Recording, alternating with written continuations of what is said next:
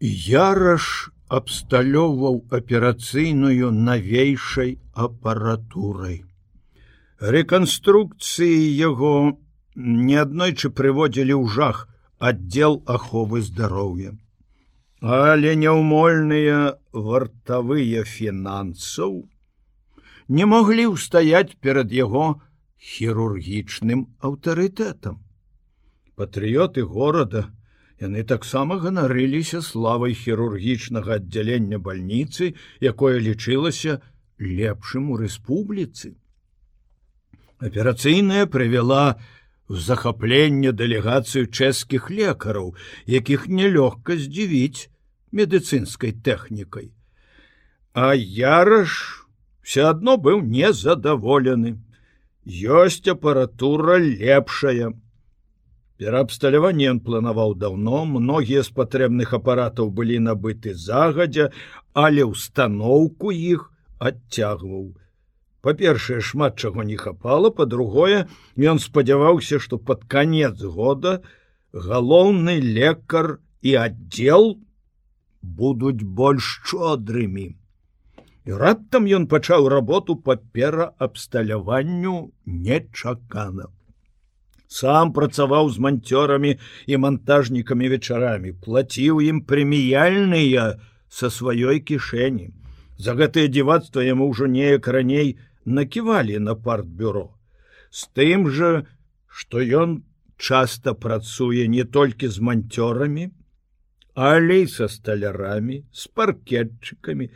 У клініцы ўжо звыкліся Добрыя душы тлумачылі, што ярашу проста няма куды дзяваць сілу і энергію, злыя, што такім чынам ён хоча павялічыць сваю папулярнасць. Каб яму сказаў, хто што ўсё гэта робіцца так тэрмінова з-за адной хворай, Ён, напэўна, пачаў бы аспрэчваць. Можа нават з абурэннем не, апаратура ўдасканальваецца не для адной хворай, для ўсіх але ён разумеў, што было б няпраўдай адмаўляць, што гэта ўваходзіць у падрыхтоўку да аперацыі Зосі Савіч. Ён зрабіў сотні розных аперацый. Нямала ўжо і такіх на сэрцы, але бадай ні да адной не рыхтаваўся з такой стараннасцю і адказнасцю, як да найвышэйшага экзамену. Тут все павінна быць узважана, улічана, каб ніякай выпадковасці. Яго апраўдаюць усе, што б не здарылася. Але сам ён не даруе сабе, калі гэтая спакутаваная жанчына скончыць сваё жыццё на аперацыйным стале. Неяк уначы ён увесь захаладаў ад такой думкі. Гэтак жа, як некалі, калі цяжка хварэў віцем. Ён хірург яраш, страціўшы веру ў медыцыну, раптам падумаў, што сын можа памерці. З'яўлялася думка, можа запрасіць каго-небудзь з калег з Масквы, з Киева, да яго прыедуць. Рэдка які хірург бярэцца аперировать блізкага чалавека блізкага. А гэтую дзяўчынку ён ведаў. Роўна восем сутак бачыў размаўляў калі яна прыносіла яму ежу на гару дзе і ў дзень панаваў паўзмрок. Ён амаль не ведае можа толькі здагадваецца як яна жыла 18 год свайго жыцця. І ўсё-таки яна была блізкім чалавекам. Ні адзін хворы ці хворая не жылі так у яго сэрцы у думках. Пакуль што ярыш аддаў яе тэрапеўтам, каб падлячылі, паназіралі, зрабілі ўсе кардыяграмы, здымкі, аналізы. Сам заходзіў рэдка раз у тры дні на кароткі час як лекар. Это не збліжала наадварот, аддаляла іх. Калі ў дзень сустрэчы ён казаў ёй ты, то цяпер звяртаўся на вы, як належыць лекару да хворай. На такое аддаленне ён пайшоў свядомым. У той жа час попрасіў Машу, каб тая наведвалася да Зосі. Ён сказаў пра гэта аперацыйнай сястры чамусьці крыху збянтэжана. Маша, ёсць у мяне да вас просьба.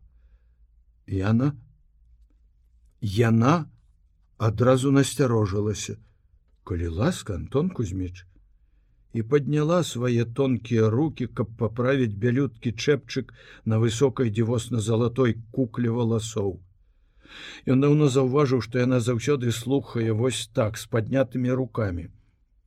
У тэрапіі ляжыць хворая Софья Савіч. Нам з вами здаецца, прыйдзецца аперыраваць яе. Я хацеў бы, каб вы наведваліся да яе. Ну не як сястра, а як добры друг, разумееце? Жанчына гэтая пражыла цяжкае жыццё. Яраш адчуваў, што выказаўшы такую просьбу ён абавязаны растлумачыць Машы, хто ж такая Савіч. Але што сказаць, што Зося ратавала яго ад смерці? Чамусьці не хацелася, каб да аперацыі пра гэта даведаліся ў бальніцы. Ён добра ведаў, што бадай няма большых, легендатворцаў і аматараў сенсацый, як лекары і сёстры. Адумаўшы пра легенды, ён сказаў пра другое: Вы ведаеце, Маша, я не люблю казак, але ёй расказвайце пра мяне любыя легенды. Сестра застыла як манекен зграбная і холодная, Яна заўсёды астывала, калі чаго не разумела, ён растлумачыў: Пра маю хірургічную славу. Псіхічная падрыхтоўка. Маша усміхнулася проста і цёпла, Здавалася, што усміхнуўся не толькі яе твар вусная ўся постаць ад залатых валасоў да бронзавых ад загару стройных ног цяжка расказаць больш, чым вы заслугоўваеце Антон Кузьміч. Не будзем гаварыць адно аднаму кампліменту Маша. Нам не патрэбна нам яшчэ раз паўтару, не патрэбна псіхічная падрыхтоўка. Жарт гэты збянтэжыў дзяўчыну. Дні праз два Маша зайшла да яго ў кабінет у той час, калі ён адпачываў паміж дзвюма складанымі аперацыямі. Яна не магла не ведаць, што хвіліны такога адпачынку былі свяшчэннымі. Як добры актор настройвае сябе на інакшае псіхалагічнае гучанне ў другой дзеі, так ён настройваў сябе на другую аперацыю. Сядзеў у мяккім крэсле скінуўшы чаравікі паклаўшы ногі на другое крэсла і паліў. Вельмі не любіў калі хто-небудзь заходзіў перашкаджаў адпачынку про гэта ў аддзяленні ведалі. На стуку дзверы адказаў незадаволена хто там? І скамячыў цыгарету. Я ён здзівіўся убачыўшы машу. Яна ўвайшла нясмелая і надзіва збянтэжаная. Куды падзеліся яе разлічаныя, да ненатуральнасці артыстычныя рухі, спынілася каля дзвярэй, трымалася за ручку, як бы рыхтуючыся ўцякаць, выраз твару быў вінаваты. Я раш хутка сунуў ногі ў чаравікі, што здарылася Маша. Я дрэнная сядзелка Антон Кузьміч сказала яна так як могла б сказаць тады калі ён выказваў сваю просьбу каб мела намер адмовіцца мы не разумеем адна адну яна савіч адносіцца да мяне з дзіўнай падазронасцю з падазронасцю перапытаў яраш можа не тое слово я сказала але дзіўная яна. Про таких у нас кажуць нелюдзімая нелюдзімая суровым дакорам перапытаў ён. І гэтай суровасцю зусім збянтэжыў дзяўчыну але тут жа мякка прапанаваў сядайце маша і паказаў на тое мяккае крэсла у якім толькі што сядзеў сам. Яна нясмела села як тая вясковая дзяўчынка што ўпершыню трапіла да суровага бязлітаснага прафесара. Яраш не пазнаваў сваю маўклівую але надзвычай упэўненую спакойную гордую аперацыйную сястру яна нічога не рассказывала вам пра сваё жыццё? Не нічога. Вы чулі что-небудзь про доктора савіча? Маша поківала головой не. Цяпер яраш зразумеў чаму яна прыйшла вось так і такая хотела каб ён расказаў ёй пра хворую тады толькі яна можа выканаць яго просьбу Ён узлёг на стол сваім магутным целам і такім чынам даверліва наблізіўся да яе. Скажыце, Маша, А вы да каго-небудзь адносіліся з падазронасцю я? Калі бачыла, што перада мной хлус няшчыры чалавек, Але гэта не тая падазронасць. Тут яна застыла ў сваёй звыклай паставе, не зразумела яго. Скажыце, а вы ніколі не баяліся людзей, Маша. Яна усміхнулася, але усмешка не растапіла холоднага неразумення і не зварухнула застылыя рысы твару. У школе я баялася нашага гісторыка. Мне э, дрэнна давалася гісторыя. Я рашу здалося, што пра гісторыю яна выдумала знарок, надаўшы словам хітры і тонкі сэнс. Ён не здзівіўся, бо заўсёды лічыў яе разумнай і дасціпнай. Закрыўшы далонямі вочы, задумаўся. Як расказаць ёй пра зосю? У часе гэтай паўзы маша спытала ва ўпор хто яна вам гэтая савіч? Антон кузьміч хутка адняў ад твару руки вы маглі б маша спытаць пра гэта адразу я сказаў бы вам. Зося савіч ратавала мяне ў падполлі ад смерти вас? Маша здзівілася устрапянулася і адразу стала звычайная. Сур'ёзная але чуткая як сейсмограф Магчыма нейкі момант яна не давала веры что тая худенькая маленькая спакутаваная скура ды косці нелюдзімая жанчынка, ратавала такога асілка. Яраш, зразумеўшы гэта, сказаў: Яна мужная дзяўчына.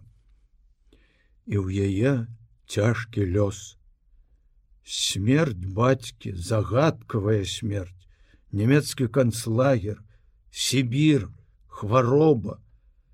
Ён падняўся, вялікі крыху схваляваны, выйшаў з-за стола, Я хацеў маша, каб вы растапілі лёд у яе душы. Пільна назіраючы за ім маша нейкі час яшчэ сядзела. А потым падхапілася збянтэжаная, ніколі яна не садзілася, калі доктар Яраш стаяў.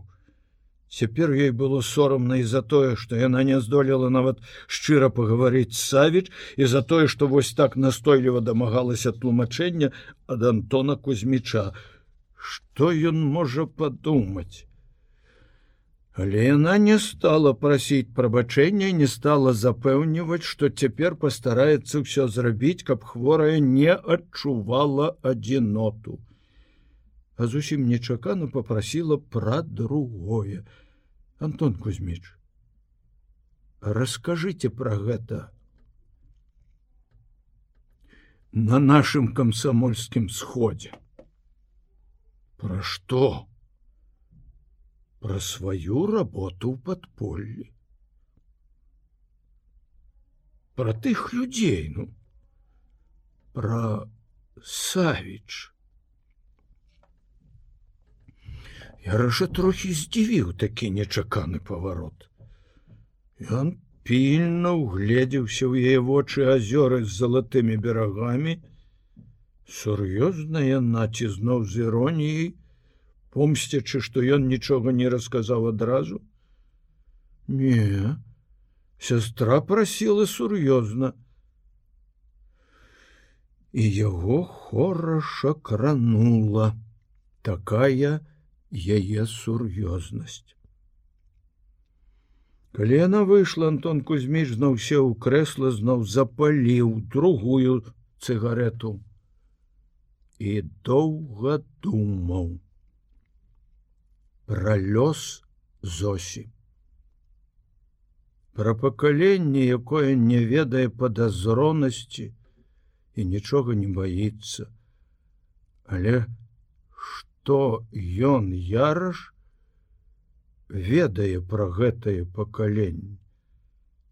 Належыць да яго Тарас і Маша, Але ёсць і славік Шковіч, як і чым жыве Маша, Тарас, што хвалюе славіка.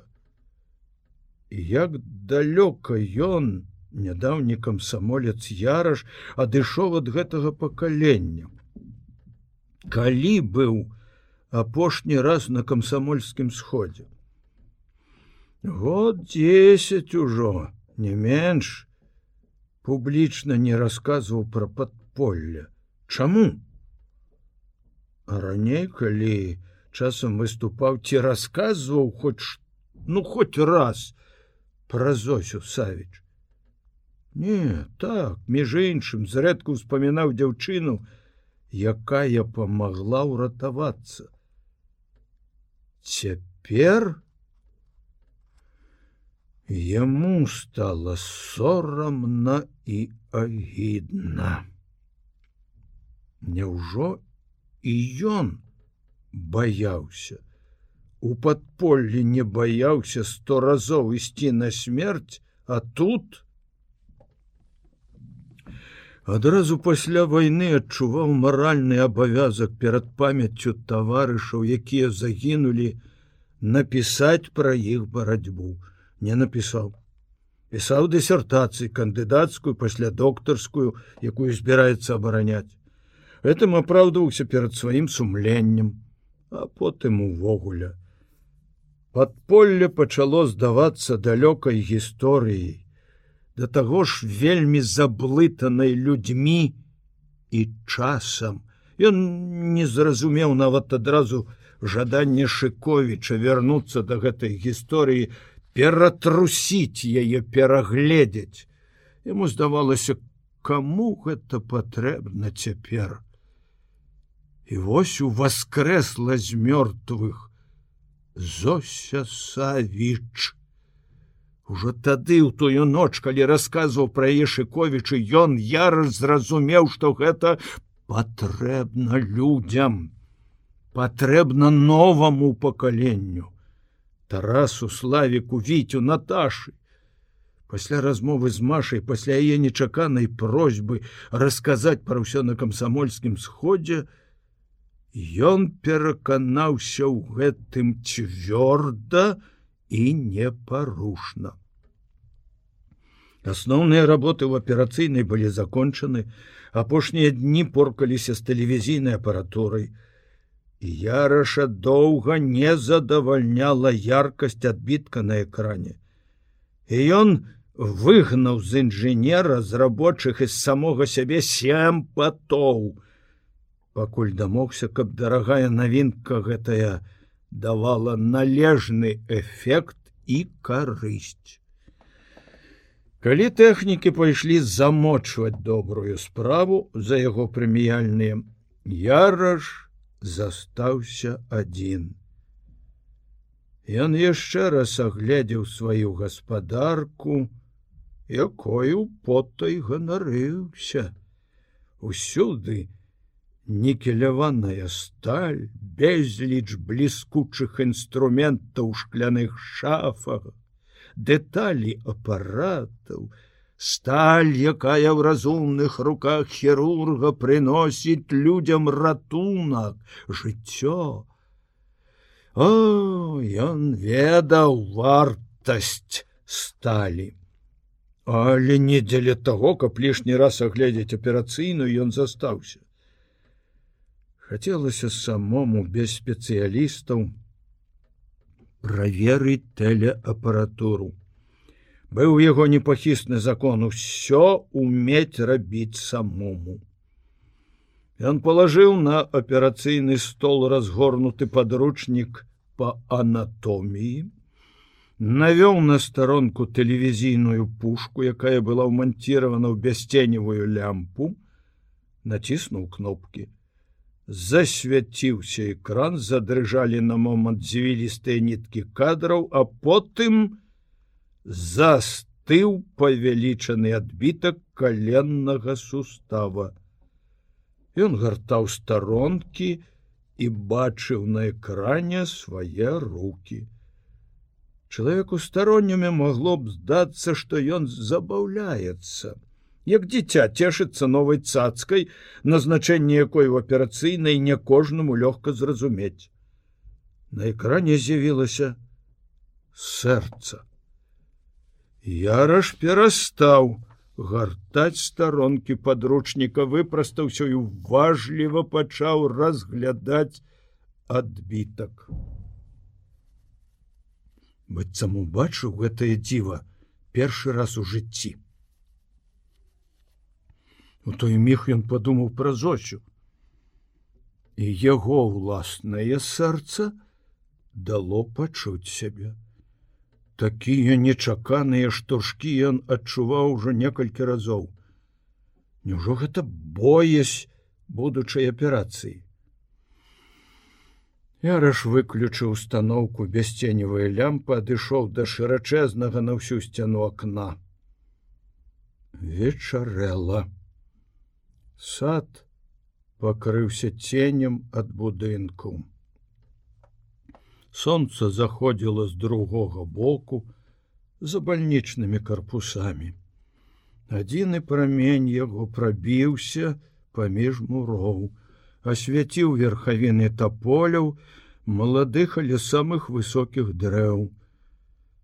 Ярыш прыгадаў, што таполевая алея гэтая была пасаджана, у вясну перамогі. І вунь, якія вымахалі дрэвы. У садзе гулялі хворыя, адны сядзелі, другія хадзілі. Санітарка ў белым халаце гушкала дзіця, загорнутая ў такі шэры бальнічны халат, якія былі і на дарослых.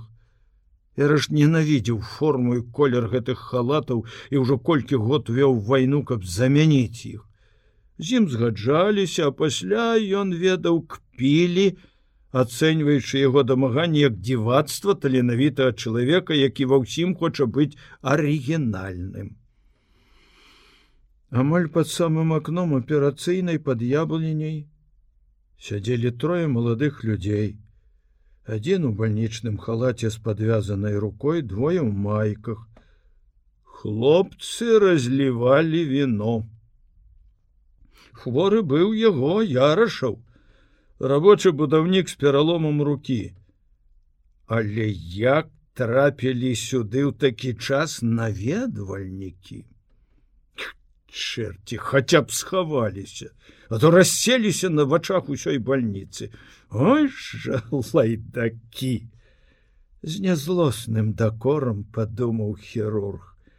Ён мог адчыніць акно і накрычаць на хлопцаў але замест гэтага далікатна адступіў у глыб аперацыйнай, каб не спугнуць іх.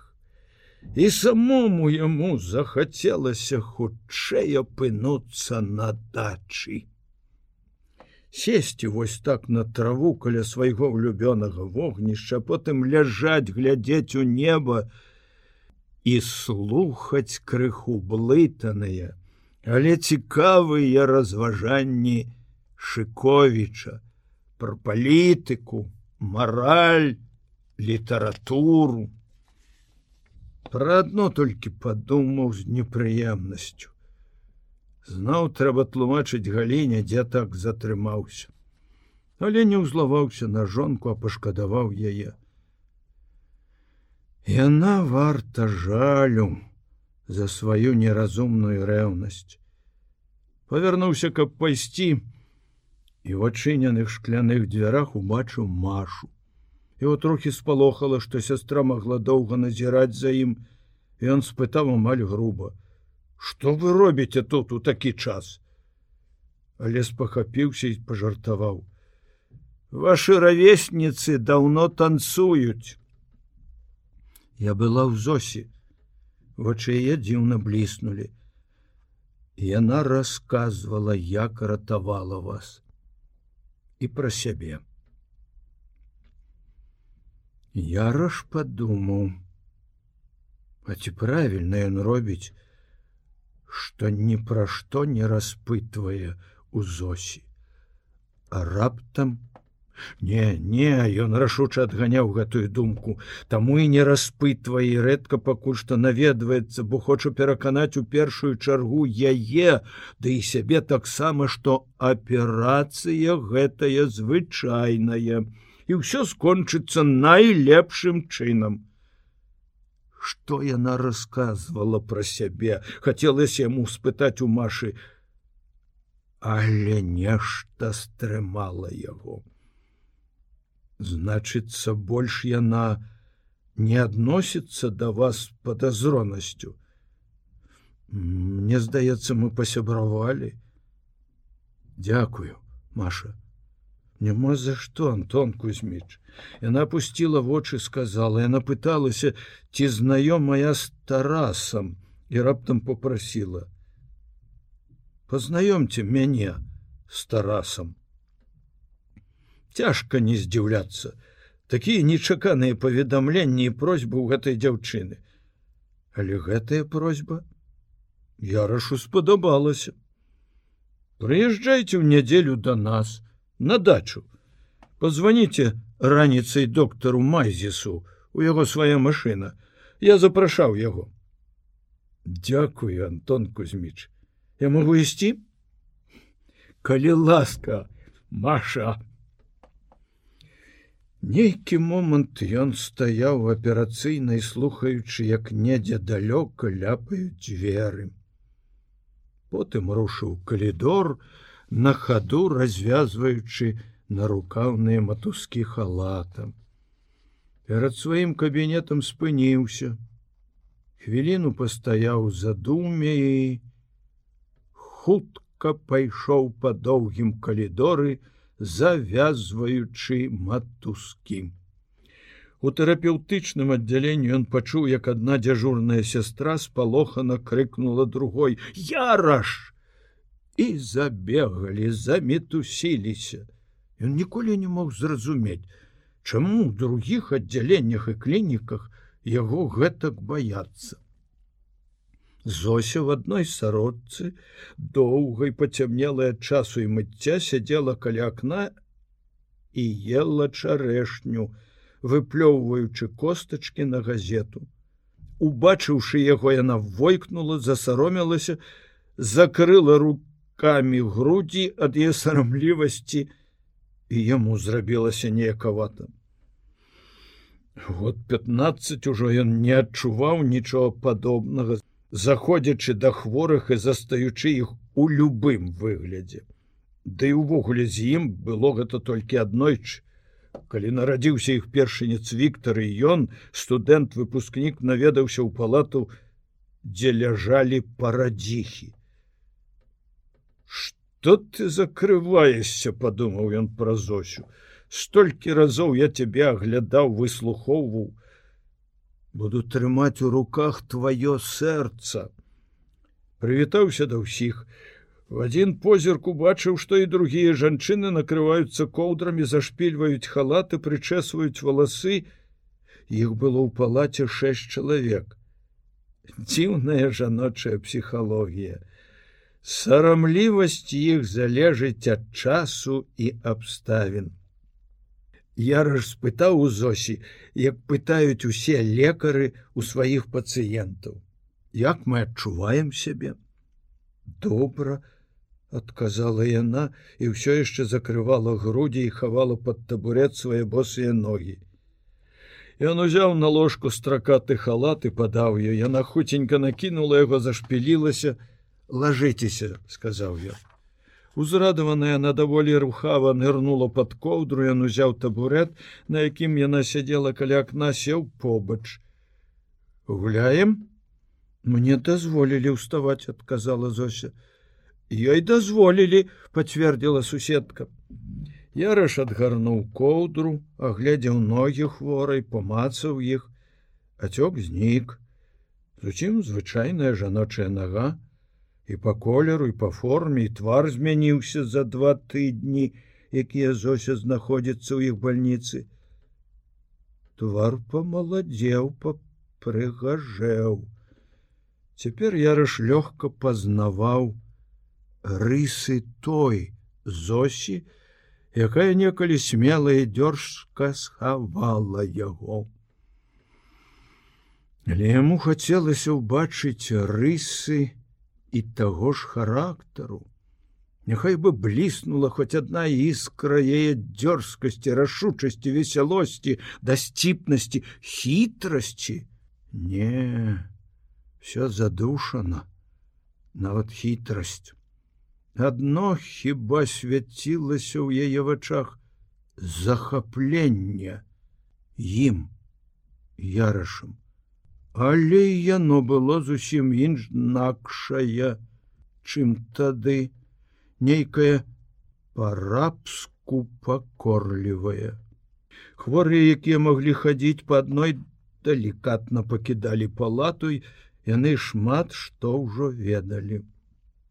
Толькі новая старая адчуўшы што гэта важны доктар попрасила доктор поглядзіце і мяне ды засталася дзяўчына з прыроджаным парокам сэрца якую яраш таксама меўся аперировать хоць згоды яе яшчэ не пыталі але яна відаць адчувала ці чула размовы кожны раз глядзела на яго с панічным страхам з'явілася дзяжурная лекар ужо заспаная. Я вам не патрэбна, Антон Кузьміч, не, толькі не спіце, калі ласка так рано. Неёмка ведаеце 10 гадзін. Маладая лекарка правалілася скрозь подлогу. Дык як самаадчуванне? Софья Степановна, ужо зусім неяк лекар, хоць і лічыў гэты момант пульс, а як добры сябра спытаў яраш інтымна даверлівым. Гэтая даверлівасць перадалася і ёй. З мая 43 я ніколі не адчувала сябе лепш. Сказала яна амаль шэптам, але так, што ў яраша здавіла горлам. 18 год фізічных і душэўных пакут. У парыве пяшчоты спачуваннем Ён лёгка сціснуў яе руку сухую і гарачую. Ад маленькай ласкі такой вочы яе сталі вільготныя. Ён глядзеў іх бяздоння праз малюсенькія шарыкі плафонаў. Яму не хацелася, каб яна заплакала, ён падбадзёрыў яе добрай усмешкай словамі, якія гаварыў многім хворым, але з той розніцай, што ёй ён зноў сказаў ты як блізкаму чалавеку. Ты будзеш адчуваць сябе зусім добра як усе здаровыя людзі. Можаш поверыць мне я сто разоў памірала і бачыце не памерла бо хочу жыць. Я веру я веру вам. Яна так вымавіла хочу жыць с працягам з націскам что я раскалануўся дзіўна але менавіта у гэтых словах ён нарэшце адчуў характар той зосі. Сапраўды дзіўна тая зося ніколі не сказала б таких слоў. Тая сказала калі яны ўсё-таки ўварвуцца сюды вы будете страляць? Буду. У шафе ў грота стаіць аўтамат і хоць бы задрыжаў голас нібы паведаміла што ў шафе стаіць варэнне. Незразумела. Чаму ў памяці яраша бліснуў гэты эпізод і гэтыя словы? Невядома па якіх лагічных законах ён звязаў іх з тым што яна сказала цяпер. Праз восемнадцать год пакутлівага існавання на мяжы жыцця і смерці на нас пытала.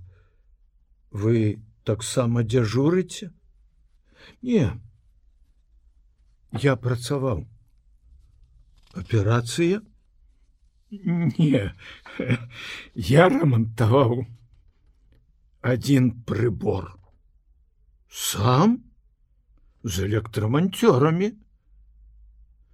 вы ўсё умееце і о дзіва захапленне ў яе вачах Ён убачыў таксама ўжо другое, амаль такое, што і тады, калі яна даведалася, хто ён. Усё умець у наш час немагчыма. А я нічога не ўмею, уздыхнула яна. Вам здаецца так, пражыць такое жыццё, Хіба я жыла? Прафесію можна набыць у 36 год. Хіба гэта много? Я умею трохі шыць, там я шыла, але не люблю. Это цяжка і нецікава, каб вы ведалі, якая пакутлівая работа прыёмшчыца кравецкай артелі.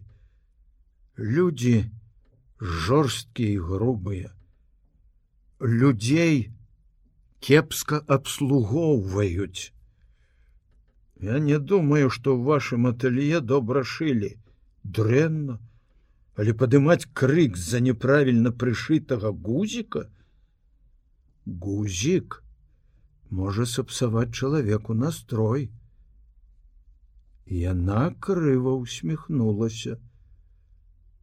Тады ён зразумеў сам у падполлі вам мог сапсаваць настрой гузік? Кожны час мае свае законы і нормы. Люди пачынаюць патрабаваць за много увагі по-мойму гэта натуральна беда ў іншым што яе мала яшчэ ў нас узаемнай увагі. У грамадстве дзе чалавек чалавеку брат брат? Зося як бы спалохаўшыся стерла хусцінкай з вуснуў скептычную усмешку і сказала у вас добрае сэрца Антон Кузьміч пэўна каб такім чынам скончыць гэтую маленькую філасофскую спрэчку Яраш зразумеў яе. Занадта много людзі прынеслі ёй гора і пакут. Яе шчасце, што яна зусім не страціла веры ў жыццё і ў людзей, верыць яшчэ, што побач са злоснымі ёсць людзі добрыя. Нейкі момант яны маўчалі. Яраш, магчыма, упершыню за ўсю сваю практыку, адчуў некаторую няёмкасць каля ложка хворай. Можа таму, што без пэўнай мэты ён ніколі так доўга не заседжваўся. У яго і цяпер была мэта, але зусім непрафесійная. Даследаванне і здагадкі Шковіча нечаканая сустрэча з Зосій не толькі распалілі і яго цікавасць да справы доктара Савіча. Больш таго, ён адчуваў сябе вінаватым, што нічога не зрабіў дагэтуль. Цяпер яму хацелася ўсяляк дапамагчы кірылу, той нецярплівы гарачы ў рабоце дапамагаўся сустрэчы з зосей. Ён яраш як хірург як псіхолог, ашчаджаў хворыя сэрца пацыенткі, не асцерагаў яе ад цяжкіх успамінаў. Таму і цяпер яму нялёгка было падвесці размову да ўспамінаў пра яе бацьку. Зося, напэўна, сама адчула няёмкасць зацяглай паўзы, яна сказала: « Ад мяне толькі што пайшла Маша. Мы доўга гутарылі. Я рады, што вы пасябравалі. Яна цікавая.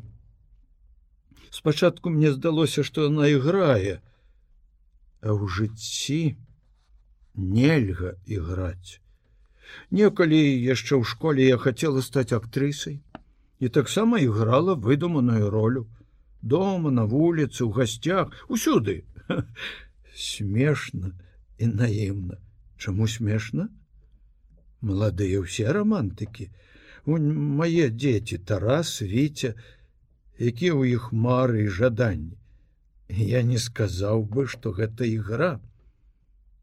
Дзе ён быў тады тарас? Яго схавалі добрыя людзі суседзі. Я шукала яго. Я ведаю. Мне казала цётка люба. Яна не поверыла мне не крыўдуйце на яе. Яна была залаты чалавек і найлепшая канспіратарка. Яна загінула? Не. Памерла год назад. Зося помаўчала як бы ушаноўваючы памяць чалавека, з якім лёс звёў я на кароткі міг.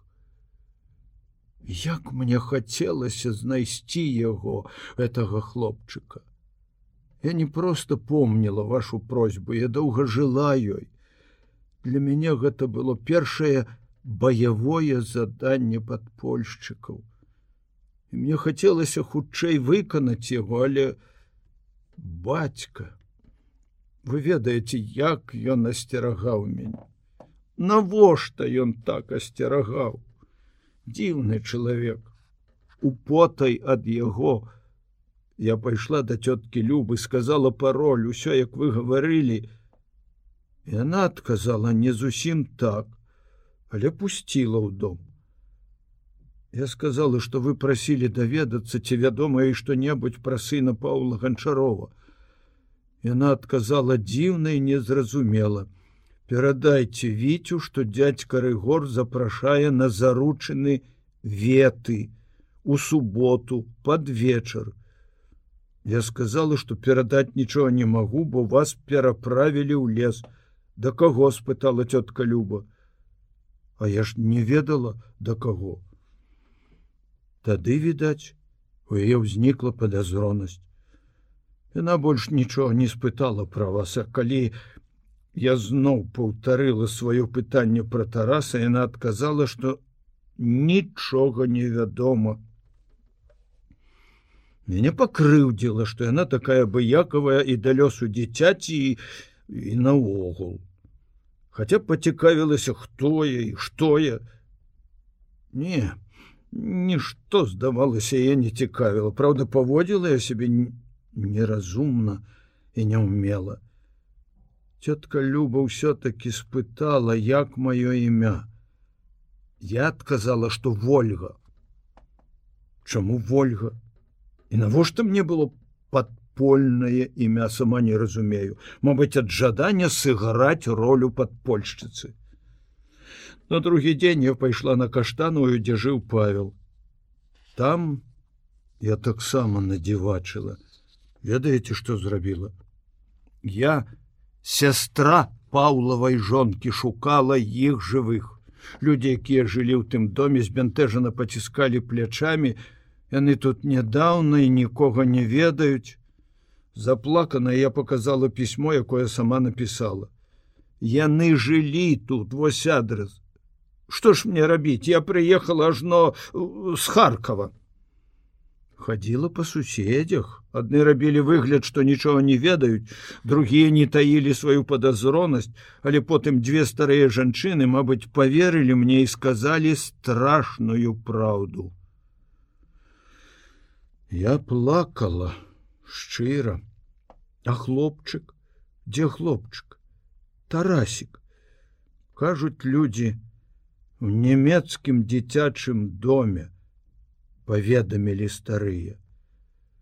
Той вечар я спытала ў бацькі ці ёсць у горадзе дзіцячыя дамы. Навошта табе? Я рассказала яму пра вашу просьбу і як я шукала малога. Бацьку гэта спалохала ён сярдзіта сказаў што я загублю і сябе і яго сваімі неразумнымі ўчынкамі. Тады я сказала яму что больш не буду вартаваць дому смажыць гроту труцяціну трэба жыць і змагацца як ён кіўнула я ў гору маючы на увазе вас антон кузьміч.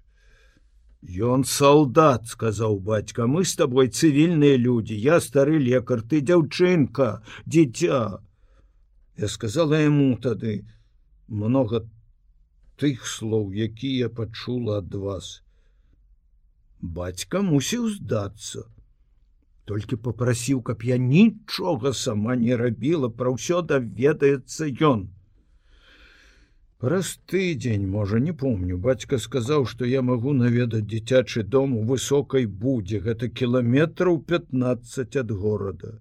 Я ведаю, там і цяпер дзіцячы дом кіўнуў яраш жонка бургамістра цішчанкі старая набожная баба замольваючы грахі свайго мужа займалася дабрачыннасцю апекавала сірот.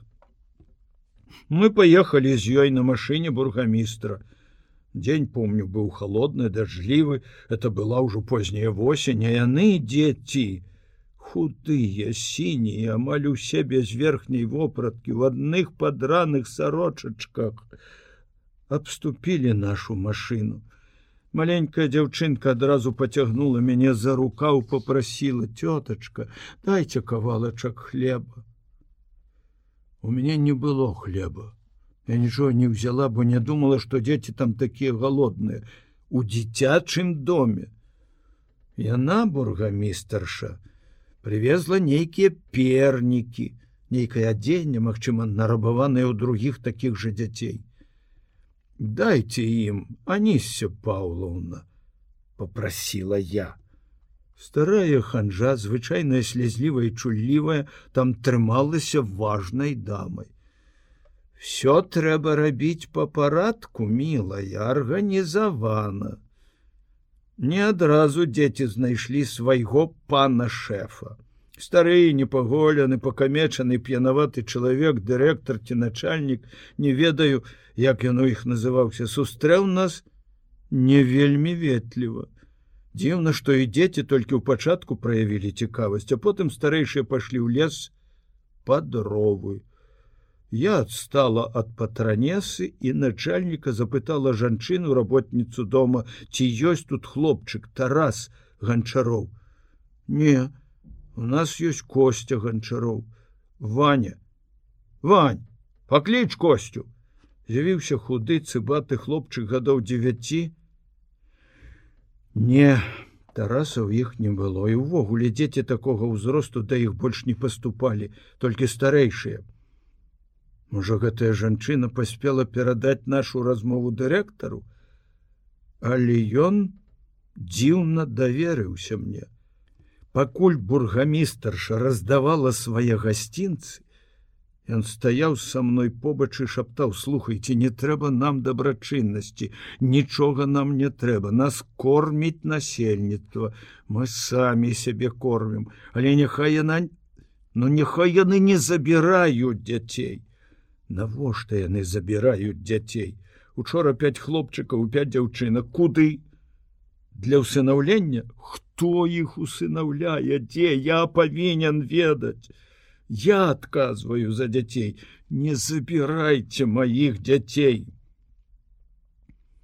Гэта быў крык душы чалавека, які падазраваў нешта нядобрае. Калі я расказала пра ўсё бацьку, яго таксама вельмі ўстрывожыла такая скарга дырэктара дзіцячага дома. Пасля я даведалася: ад дзяцей бралі кроў, Іх вывозілі ў Германію і малых анямечвалі. Нямкамі рабілі. Ой, горачка ж якою вялікай скрусе ківала галавой старая, якая дагэтуль слухала моўчкі. Я там у іх усё пра Тараса думала, дзе ён, што з ім. І не знайшлі хлопчыка, бабуля мабыць не ўсё зразумела з іх размовы. Знайшоўся адказаў старой яраш дзе ж ён цяпер? Цікаўнасць гаманкой старой расла яна як бы ўзнагароджвала сябе за многа хвілін пачцівага маўчання гэта мой сын Праўда? А божачка здзівілася і ўзрадавалася бабуля Няхай жа яму Бог здароўечка дае. Вялікі ўжо. У арміі адслужыў. Я заўтра вас пагляджу бабуля добра, звыкла, развязваючы завязкі на рукаве халата, сказаў яраш. Добра, доктор, цяпер вы частым гостцем будетеце ў нас. Зося, зморана і ўсё яшчэ вінавата усміхалася. Дзяўчына на ложку каля акна здалося ярашу. Упершыню глядзела на яго без страху. Ён падняўся, залішне заседзіўся, стаміў, расхваляваў хворую, у не блішчаць яе вочы трымае недзе ў калідоры другіх ва ўсім патрэбна разумнае пачуццё меры. Яму не хацелася напамінаць ёй пра бацьку. Лешыкович не даваў спакою. Ўрэшце яна сама колькі разоў вспомнила бацьку. Я раш спытаў скажите софью степановна вы помните каго-небудзь з інфекцыйнай больніцы з кім працаваў ваш бацька? Хто хадзіў да вас Яна на хвіліну задумалася. Я помню сястру клаўдзю. Івановну, здаецца, яшчэ была лекар Вакулова і лекар Ліберман. Але лібермана яны загналі ў гета. У акупацыі заходзіла да нас толькі гэтая сястра. Як жа гэта яе прозвішча, Зося зморшчыла лоб не трэба ўспамінаць пасля попрасіў яраш дзякую вам завошта здзівілася яна добрай ночы пожадаў ён усім адразу і пайшоў да дзвярэй